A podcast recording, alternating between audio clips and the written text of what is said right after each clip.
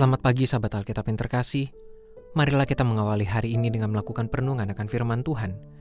Bacaan Alkitab kita pada hari ini berasal dari kitab Keluaran pasal yang ke-36 ayat 35 sampai 38. Dibuatlah tabir itu dari kain ungu tua dan kain ungu muda, kain kirmisi dan lenan halus yang dipintal benangnya. Dibuat dengan ada kerupnya, buatan ahli tenun Dibuat oranglah untuk itu empat tiang dari kayu penaga dan disalutlah itu dengan emas, dengan ada kaitannya dari emas, lagi dituanglah empat alas perak untuk tiang itu.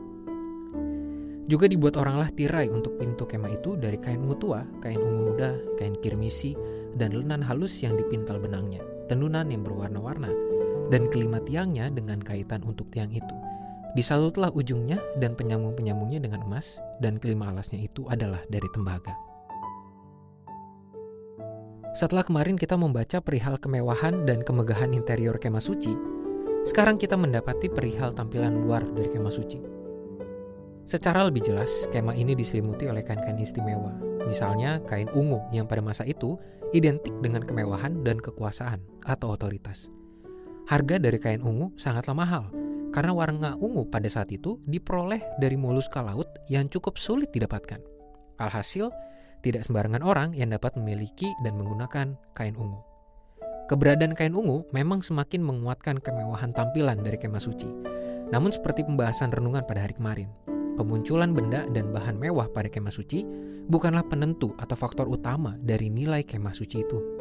Justru melalui kemunculan kain-kain mahal seperti inilah, kita dapat melihat secara lebih konkret tentang sikap hormat yang idealnya muncul dalam relasi antara umat dengan Tuhan Kain-kain tersebut ibarat jubah atau pakaian yang dikenakan pada kemah suci. Kemudian, seperti budaya yang umumnya terjadi pada saat itu, bahwa seorang yang dihormati biasanya mengenakan jubah ungu dan bahan-bahan mahal lainnya. Kemah suci pun diperlakukan serupa oleh orang Israel. Berdasarkan penjelasan tersebut, kita perlu mengevaluasi ke dalam diri sendiri mengenai sikap hormat yang kita miliki dalam relasi dengan Tuhan.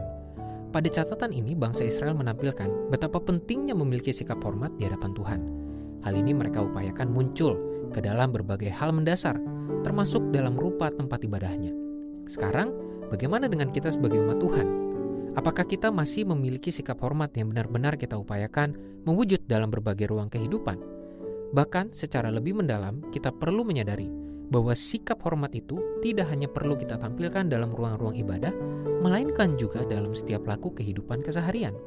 Bagaimana kita memperlakukan Alkitab yang berisikan firman Tuhan? Bagaimana kita berperilaku di dalam ruang ibadah? Bagaimana kita bertanggung jawab dalam menjalankan tugas pelayanan? Bagaimana kita menjalankan peran sebagai orang tua, anak, saudara? Bagaimana kita berelasi dalam keseharian? Dan berbagai sikap hidup lainnya merupakan bagian dari cerminan sikap hormat yang kita miliki di hadapan Tuhan. Marilah kita berdoa. Tuhan kami tentu berterima kasih atas relasi yang boleh Tuhan berikan bagi kami sehingga kami boleh menikmati hubungan antara kami dengan Tuhan. Tolonglah kami Tuhan untuk dapat menjalani relasi ini dengan penuh sikap hormat yang tidak menjadi formalitas tetapi sungguh-sungguh mewujud dalam ketulusan melalui berbagai sikap hidup kami.